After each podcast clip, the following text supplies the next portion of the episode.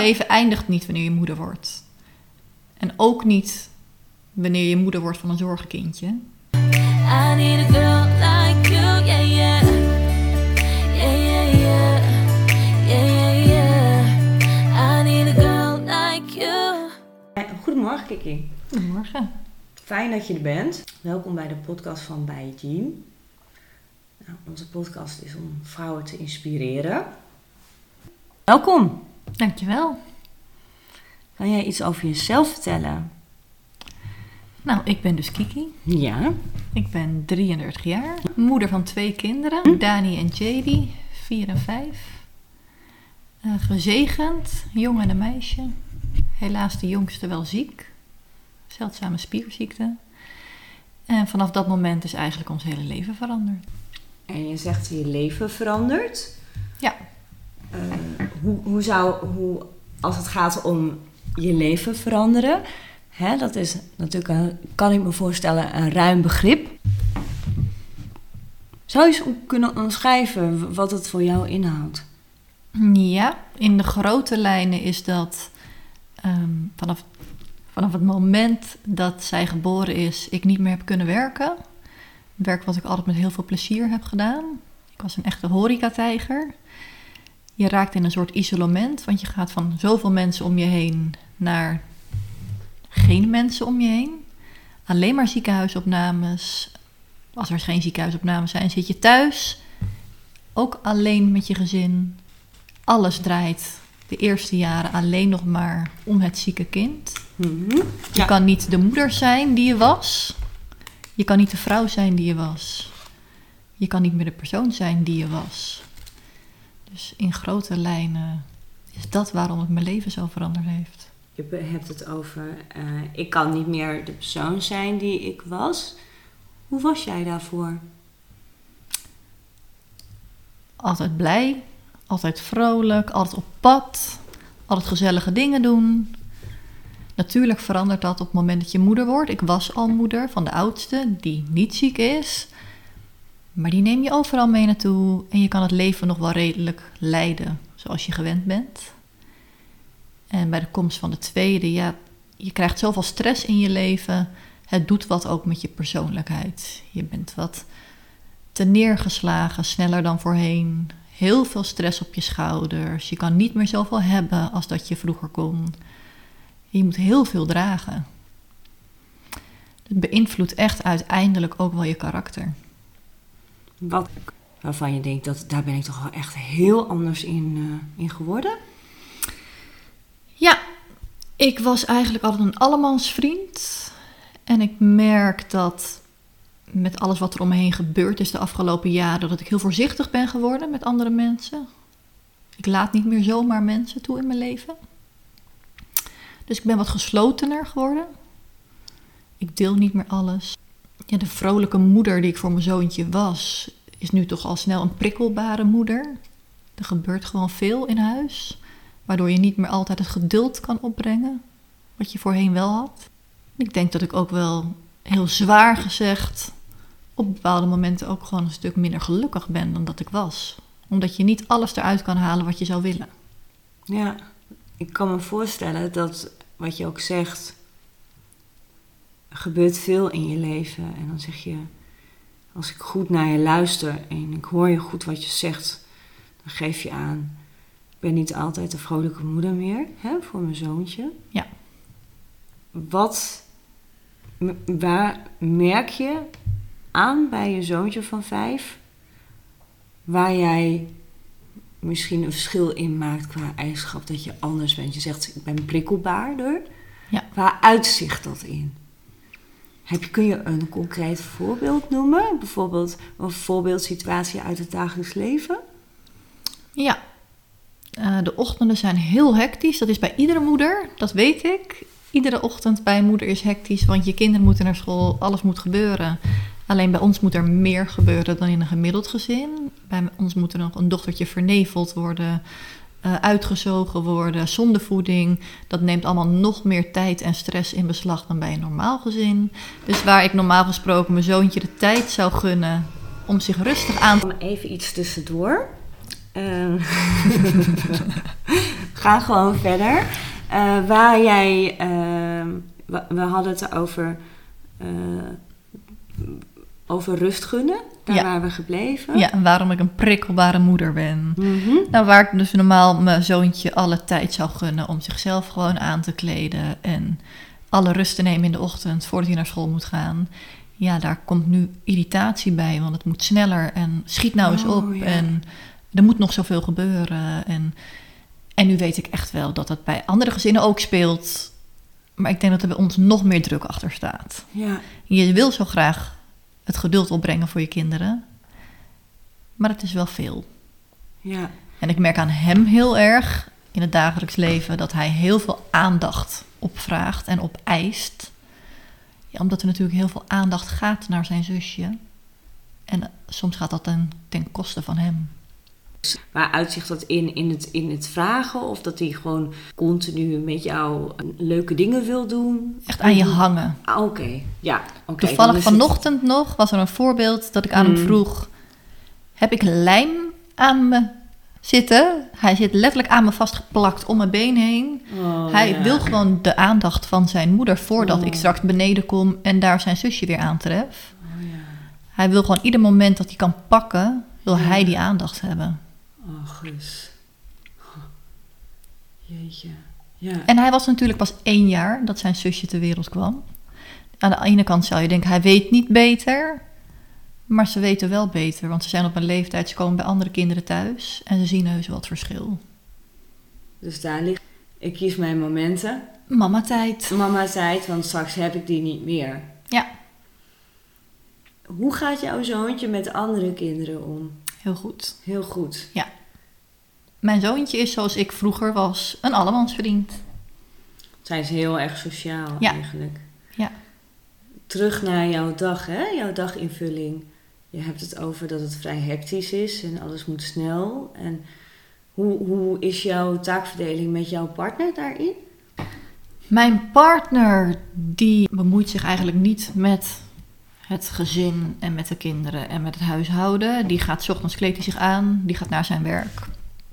Die komt eind van de dag thuis, schuift aan aan tafel. Brengt uiteraard een beetje tijd met zijn kinderen door de leuke dingen. Hi, even een spelletje, even spelen, even een kusje. En vervolgens breng ik de kinderen weer naar bed. Dus hij bemoeit zich daar niet mee. Hij doet echt het zakelijke gedeelte. Dat heeft hij natuurlijk in zijn eentje op zich moeten nemen vanaf het moment dat ik moest stoppen met werken. En sindsdien doe ik alles eromheen, de rest. Hij doet het werk voor de financiën en ik doe de rest. Daarnaast natuurlijk gewoon het huishouden. Eh, ik doe nog wel vanuit huis de administratie en de planning voor het bedrijf van mijn partner.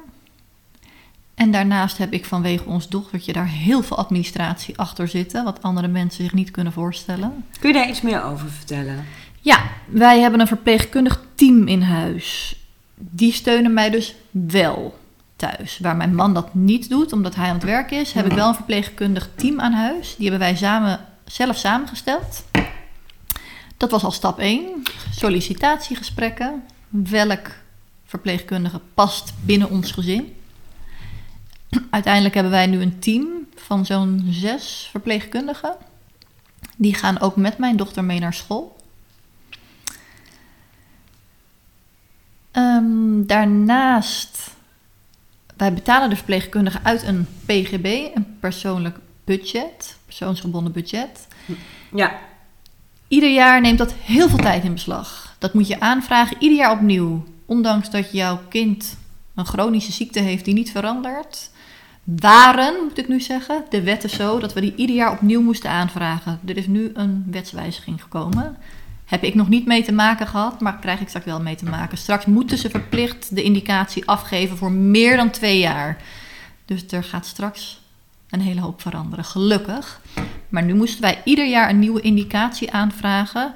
Dat houdt in dat er een wijkverpleegkundige thuis komt. Die gaat bepalen voor ons hoeveel uren wij krijgen qua zorg voor onze dochter. Heel cru gezegd, zij gaan bepalen hoeveel nachtrust wij krijgen in het jaar. Eh, hoe vaak wij met z'n tweeën een keertje de deur uit mogen. Hoeveel tijd wij met ons zoontje kunnen doorbrengen. Dat ligt totaal in handen van een derde partij. Zij komen dat ieder jaar bij ons thuis vaststellen. En als dat eenmaal ingediend wordt, dat neemt zo'n gemiddeld acht weken per jaar in beslag. Je dient het in, dan moet je weer wachten, dan komen er weer wijzigingen en uiteindelijk plus minus acht weken krijg je een indicatie. Ja, dan zie je vanzelf, ben ik daar blij mee, ja of nee? En vaak heb je er ook niet echt veel meer in, in te brengen. Dit is wat het is. En hier gaan we het komend jaar mee doen. Waarom zeg ik, ze bepalen ook hoeveel nachten wij slapen? Dat is omdat wij dus ook nachtzorg thuis inzetten voor onze dochter. Dat is een interessante. Wat je beseffen niet altijd, maar het is eigenlijk een hele... Alleen nog maar PGB. Daarnaast moet ze nog zoveel keer per jaar naar het ziekenhuis voor een opname. Gelukkig niet meer zo vaak. Voorheen heel veel opnames, maar voor controles. Bij die arts, bij die arts, bij die arts, bij die arts. Dan heeft zij een heel team vanuit school. Ze zit op een mithielschool. Daar heeft ze een logopedist, een fysiotherapeut, een ergotherapeut, een revalidatiearts. Dat zijn allemaal afspraken en contacten die onderhouden worden, allemaal door mij. Het is bijna een dagtaak om al die administratie en al die lijntjes uit te houden. Dus dat komt erbij. Ja, In het kort. Dit was in het kort. en dit is dan een korte... ja, korte het klinkt al lang, maar dit is in het kort. eh, waar ik eigenlijk nog even weer naar terug wil eh, met jou. Hoe is dat eigenlijk geconstateerd? Want ik denk dat het interessant is ook voor de luisteraars. Hoe, ga, hoe gaat het? Hè? Jullie raken zwanger en dat is natuurlijk een heel proces en een heel mooi traject. Maar hoe is dat geconstateerd bij JD? De zwangerschap verliep prima. Niks aan de hand. Ik heb gewoon netjes doorgewerkt zoals de meeste moeders. Geen klachten. Ik hoef niet vroegtijdig te stoppen. Ik hoefde niet eerder met verlof. Ik heb gewoon lekker doorgewerkt. Op een normale tijd met zwangerschapsverlof gegaan. Een tussenhaakjes normale bevalling gehad. Wij waren net verhuisd naar ons nieuwe huis. Lekker in mijn eigen huisje bevallen. Daar begon het al dat de bevalling uiteindelijk niet helemaal goed afgerond werd. Kindje was netjes geboren, niks aan de hand. Maar bij mij kwam de placenta niet, waardoor ik bleef bloeden. Ik, blijkt een heel horrorverhaal te zijn, maar daar kan ik helaas niks over vertellen, want ik Snap ben ik. een soort van van de wereld afgeraakt. Dus ik kan het niet meer navertellen. Dat kan mijn omgeving alleen. Ik Mm. was er dus niet meer bij. Ik ben afgevoerd naar het ziekenhuis. En daar is het eigenlijk begonnen. Wij kwamen in het ziekenhuis voor mij. Ik moest daar ook twee dagen blijven voor een bloedtransfusie. En opeens liep ons dochtertje helemaal blauw-paars aan. Waarop mijn partner daar door de gangen is gaan rennen met een pasgeboren baby die pimpelpaars is. Nou, is het daar even oppervlakkig onderzocht en er was niks met haar op het eerste oog aan de hand. Dus wij zijn ook gewoon als een normaal gezin lekker naar huis gegaan, de kraamweek ingegaan. Met een redelijk normaal beeld bij het kind. Dus de kraamverzorgers hebben ook niks opgemerkt. Alleen ons viel iedere keer aan het eind van de dag, als de kraamverzorgers al naar huis waren, op. Hey, dit kind loopt iedere keer toch weer blauw aan. Bellen met melk uit haar neus. Het was geen normaal beeld. Bij een paar keer aan de bel getrokken, je valt dan nog onder de verloskundige.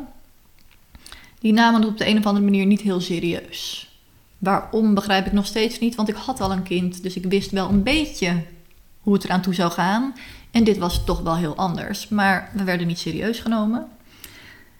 En toen na erg. een week dit thuis gehad te hebben, ik heb echt nachtenlang, het kind moest op een gegeven moment rechtop blijven. Die heb ik zo rechtop tegen mij aangezet met een kussen in mijn rug op bed. Ben ik zo met haar gaan slapen. Want zodra je haar neerlegde, stikte ze. Tenminste, dat was het beeld wat wij hadden. Wij zijn niet medisch onderlegd, dus we hadden geen idee. Na een week toch uiteindelijk de huisarts ingeschakeld. Die kwam op huisbezoek en die wilde geen risico lopen met een pasgeboren baby. Dus die heeft ons naar de spoedeisende hulp gestuurd. Geluk bij een ongeluk kwamen we daar binnen en kreeg zij zo'n aanval dat ze gelijk paars werd. En dus alle bellen gingen daar af. En toen zijn we in het medisch traject terechtgekomen. We zijn gelijk doorverwezen naar het VU. We hebben daar een maand gelegen in het VU. Daar is alles nagekeken qua aanleg, of alle aansluitingen goed waren. Scans gehad, alles gehad. En ze konden niks vinden. Ondertussen wel achtergekomen dat mijn kindje niet zelfstandig kon drinken. Dus hij kreeg een zonde door de neus. En dat was dan ook iets waarvoor we teruggingen naar ons reguliere ziekenhuis. En daar zouden wij dan leren zondevoeding geven. Even voor de luisteraars, zondevoeding. Dat is, je zegt, je zegt het net al heel duidelijk. Door de neus. Ja, een slangetje door de een neus. slangetje door en de die neus, gaat, ja. ze noemen het een neusmaagzonde. Dus die gaat Oh, vanaf ja. de neus naar de maag. En dan door het slangetje spuit je voeding. En dat zijn speciale, als voor baby's heb je speciale Ja. zondevoeding. Kant-en-klare flessen zijn dat. Ja, begrijp ik. En die krijgen ze dan. Dat zouden wij gaan leren geven hier bij ons eigen ziekenhuis. En daar was het dan maar een beetje mee gedaan. Was in eerste instantie het idee. Toen ging het in het eh, ziekenhuis helemaal mis. Toen we hier weer gewoon in ons eigen regio ziekenhuis lagen. Alle toeters en bellen gingen daar weer af. Alle alarmen. Kindje was bijna dood. Oh, wat verschrikkelijk. Ik ben de kamer uitgerend. Ik dacht gewoon, dit was het. Mijn beste vriendin was bij me. Die heeft het allemaal een beetje proberen te observeren. Maar ik ben ervan weggerend. Ik kon het niet aanzien. Kindje werd helemaal in mijn armen slap, wit. Weg. Het was gewoon weg. In mijn hoofd, dit was het. Gelukkig hebben ze haar er weer bovenop weten te krijgen. Het was voor mij wel een teken. We liggen nu niet in het juiste ziekenhuis. Ik wil teruggestuurd worden naar een academisch ziekenhuis. En het liefst een ander ziekenhuis waar een second opinion kan krijgen. Dus ik heb gevraagd om het AMC. Dat werd gelijk in gang gezet. Volgende dag konden we gelijk naar het AMC. Ondertussen was mijn dochter al bijna twee maanden. Waardoor je ook al iets meer kan zien aan een kindje. Dus bij twee maanden zagen ze, dit kindje is wat slapper in haar spieren dan dat kindjes horen te zijn op deze leeftijd. Ja. Dat noemen ze dan hypotoon. Je kind is hypotoon. Zij heeft hypotonie. Slappe spieren. Daar is toen een onderzoek op ingesteld. We hebben toen maar één week in het AMC gelegen. Zij hebben een DNA-onderzoek met bloed ingezet. Op het spier. Heel uitgebreid. Alle spierdingen, ziektes, alles wat er bestaat met je spieren. Daar hebben ze op ingezet. Uiteindelijk, toen mijn dochter een half jaar was, kregen we een diagnose. Zo lang duurt zo'n DNA-onderzoek, want ze moeten alle, alle ziektes onderzoeken. Ja. Dus toen zij een half jaar was, kregen wij een diagnose. In de tussentijd had ze al in heel veel ziekenhuizen gelegen, want wij durfden haar niet mee naar huis te nemen. Wij konden niks met haar thuis. We zijn geen artsen, we zijn geen verpleegkundigen. Ze lag aan apparaten. Hoe hadden we dat thuis moeten doen? Geen idee. Dus ze heeft alleen maar in het ziekenhuis gelegen. Af en toe een nachtje naar huis en dan ging het s'nachts alweer mis. Gelijk weer terug naar het ziekenhuis. Dus toen zij een half jaar oud was, toen hadden wij een diagnose. En het was niet een hele fijne diagnose, maar wel een hele grote opluchting. Dat je eindelijk weet waar je aan toe bent. Je hebt een naampje. Je weet een beetje waar, welke kant je op gaat. Hoe ga je daarmee om als moeder als dit allemaal op je pad komt? Want je, Je gaat in de overlevingsstand. Hm. Ik denk ook niet dat er een punt komt waarop je dit kan verwerken, want het gaat door. Het is niet iets wat tijdelijk was en dat je daarna kan verwerken, want het speelt tot op de dag van vandaag nog steeds. Je kan niet de rust pakken om dit even te gaan verwerken. Dat gaat niet. Dus je staat eigenlijk altijd aan. En dat houdt je waarschijnlijk ook staande, dat je altijd aanstaat. En dat is ook weer om even snel een bruggetje terug te maken waar het al begon. Mijn zoontje was één jaar. En de eerste vier weken heb ik echt in het ziekenhuis geleefd met mijn dochter. Dus mijn zoontje zag mij af en toe bij bezoek in het ziekenhuis. Maar zijn moeder was gewoon een maand van huis. ja, ja. Ja, dat is voor, voor, voor zo'n kind in, in, in zijn belevingswereld is dat natuurlijk hè, best een impact. Mijn partner moest gewoon werken. Die werkte toen nog voor een baas. Eh, mijn zoontje was maar bij mijn ouders in huis. We wisten het anders Jeetje. ook niet. En Ja. als ik daar dan even op visite kwam, hij wilde mij ook niet meer aankijken. Jeetje, dat is ook natuurlijk wel een, iets wat met je doet, hè? Als moeder. Ja, je kan je niet in tweeën delen. Nee. Dat gaat niet. Nee. En je hebt één kind in het ziekenhuis en eentje thuis, ja. Jeetje, Kiki, dat is. eh Poeh, dat is wel even. Slikken dan. Ja, dat En- is lastig. Maar nogmaals, je staat in de overlevingsstand. Nee, ja. Je gaat gewoon door. En als je nu terugkijkt, je zegt ik sta in de overlevingsstand. Eh, mag ik er dan van uitgaan dat jij vanaf het moment tot hoe je je leven leidt, altijd in de overlevingsstand zal blijven? Hoe zie je dat voor je? Nee, dat denk ik zelf niet. Ik zeg, ik noem het dus nu altijd, je staat aan. Mhm. Je staat in een soort waakmodus. Ja. Dat zodra het nodig is, die overlevingsknop gelijk weer aan kan. Zodra, zolang mijn dochter gewoon thuis is en in redelijke gezondheid verkeert, ja, dan leven we gewoon ons leven. En wat is voor jou redelijke gezondheid? Ze is natuurlijk niet gezond, ze heeft een spierziekte, maar zolang zij geen griep, geen gekkigheid erbij heeft, geen verkoudheid, dan is zij in redelijke gezondheid. Ik kan natuurlijk niet zeggen ze is gezond, want ze heeft een spierziekte. Maar zolang ze er niks naast heeft, dan gaat het leven bij ons thuis wat voor ons nu normaal is. Maar je staat dus wel aan in de aanmodus, want je bent wel de hele dag alle lijntjes hoog aan het houden of alle ballen hoog aan het houden. En je weet, het zou kunnen dat ze morgen opeens in het ziekenhuis ligt. En dan moet je gelijk weer in die Ja. overlevingsstand kunnen. Ja, ik begrijp Dus precies het is een soort waakstand waar je in staat. Ja, je hebt het goed uitgelegd. Je legt het, ja, je legt het fantastisch uit. Want je geeft eigenlijk aan... Jij zegt dan van, hè, ik sta altijd aan. Maar eigenlijk sta je dan 24-7. Sta je altijd aan. Want je hebt eigenlijk geen tijd om uit te staan. Ik heb een heel mooi voorbeeld. Mijn dochter wordt gisteren opeens verkouden. En dan denk je, oké, verkouden. Ja, mijn kind is ook altijd verkouden. Ja, iedereen's kind is verkouden. Dat is in haar geval dus iets anders. Eh, ik schakel dan gelijk een verpleegkundige uit ons team in. Wie kan er vannacht komen? Die slapen dan dus bij haar op de kamer. Zij gaat dus bijvoorbeeld vannacht om half vier nog aan het zuurstof. Eh, ik hoor ze vernevelen, ik hoor ze uitzuigen. Dat zijn dingen die, als er geen verpleegkundige had kunnen komen vannacht, had ik die dus vannacht de hele nacht zelf staan doen, die handelingen. Dus inderdaad sta je op dat moment 24 uur per dag aan. Maar doordat ik gelukkig zo'n fijn team om me heen heb gebouwd, kan ik vannacht, ik hoor het wel en het doet wat met je als moeder, want je hoort de geluiden en je hoort, het gaat wel vlekkeloos, maar het is natuurlijk niet leuk om te horen. Je kind is niet in perfecte gezondheid, maar je hoeft niet je bed uit. Nee, maar als jij dan bijvoorbeeld je bed in ligt, hè? Hoe, hoe, hoe gaat dat bepaalde apparaten gebruikt, hoe Ja. je medicatie toedient? Hè? Dus ik kan me voorstellen zijn bepaalde dat je daar papieren voor, nodig. Ja. Hè? En los daarvan dat je bepaalde papieren nodig hebt, kan ik me ook heel goed voorstellen dat je ook zo'n vertrouwen met zo'n team op. En hoe Heel voel je daar? Ja, want dat. En, en langzaam in de zin vragen, of hoe moet ik dat zien? Eh JD was dus een half jaar dat zij een diagnose kreeg. Toen heeft zij vervolgens een half jaar in een kinderhospice gewoond. Dat klinkt heel heftig, maar wij noemen het altijd liever een logeerhuis. Het is niet per definitie in een kinderhospice dat kinderen daar altijd overlijden. Eh kinderen worden daar verzorgd. Er loopt daar een heel team. Het is een fijn huis.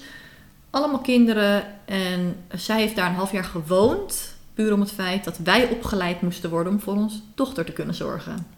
Dus wij zijn in een half jaar opgeleid om alle apparaten en alle benodigdheden te bedienen.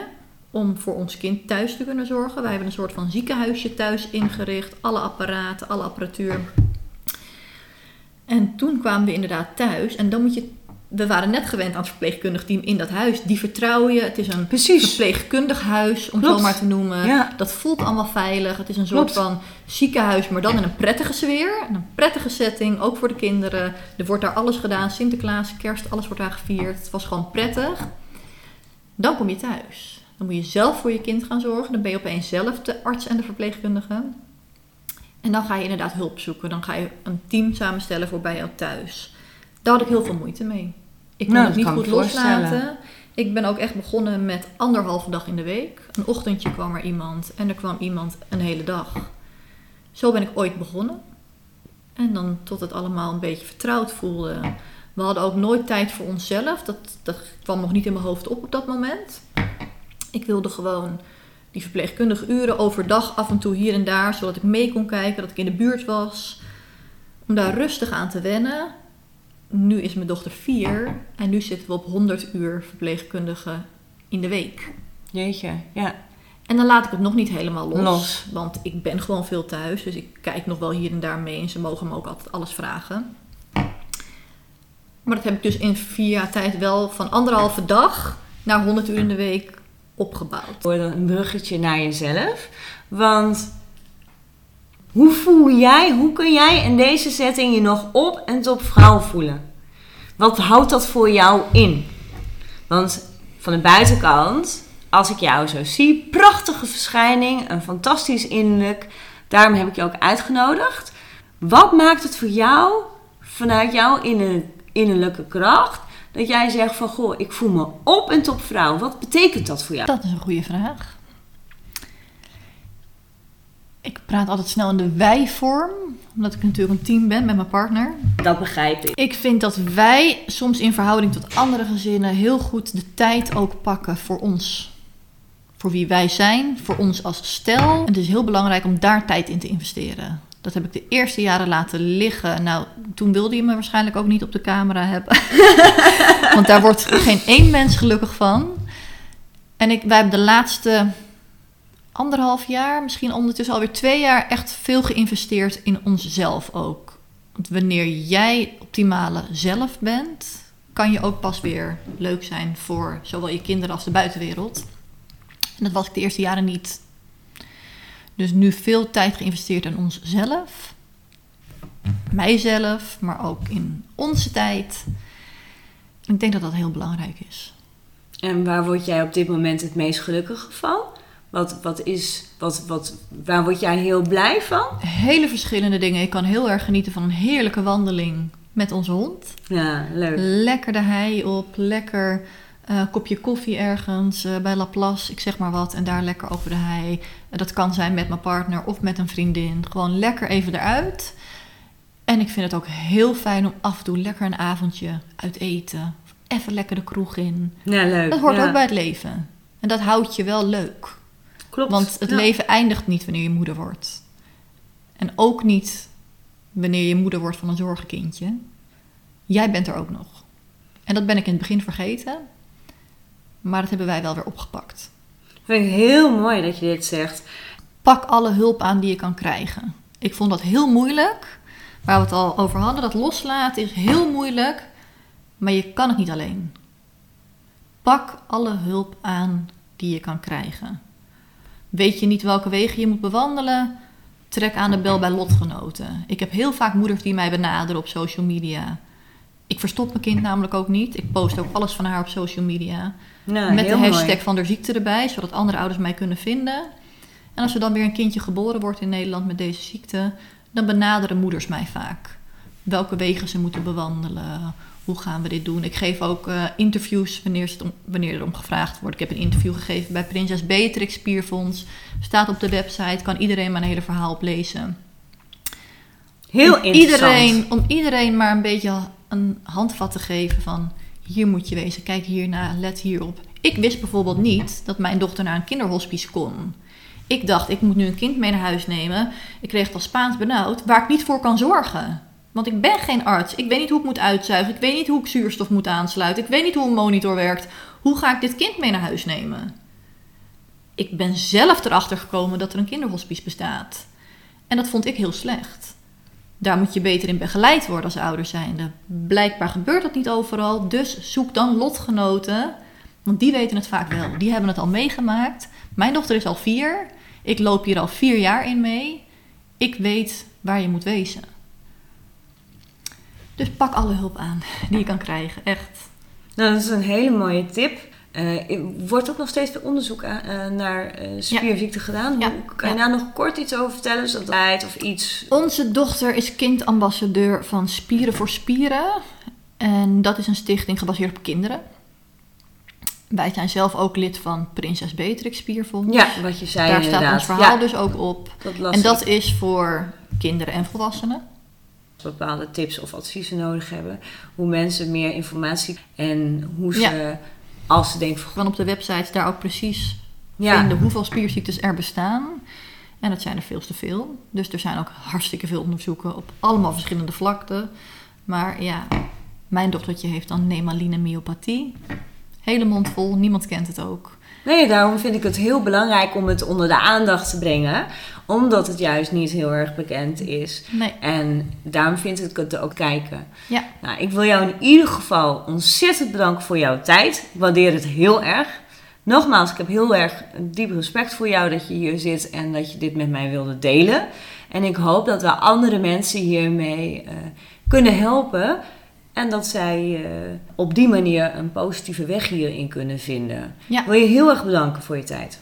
heel graag gedaan.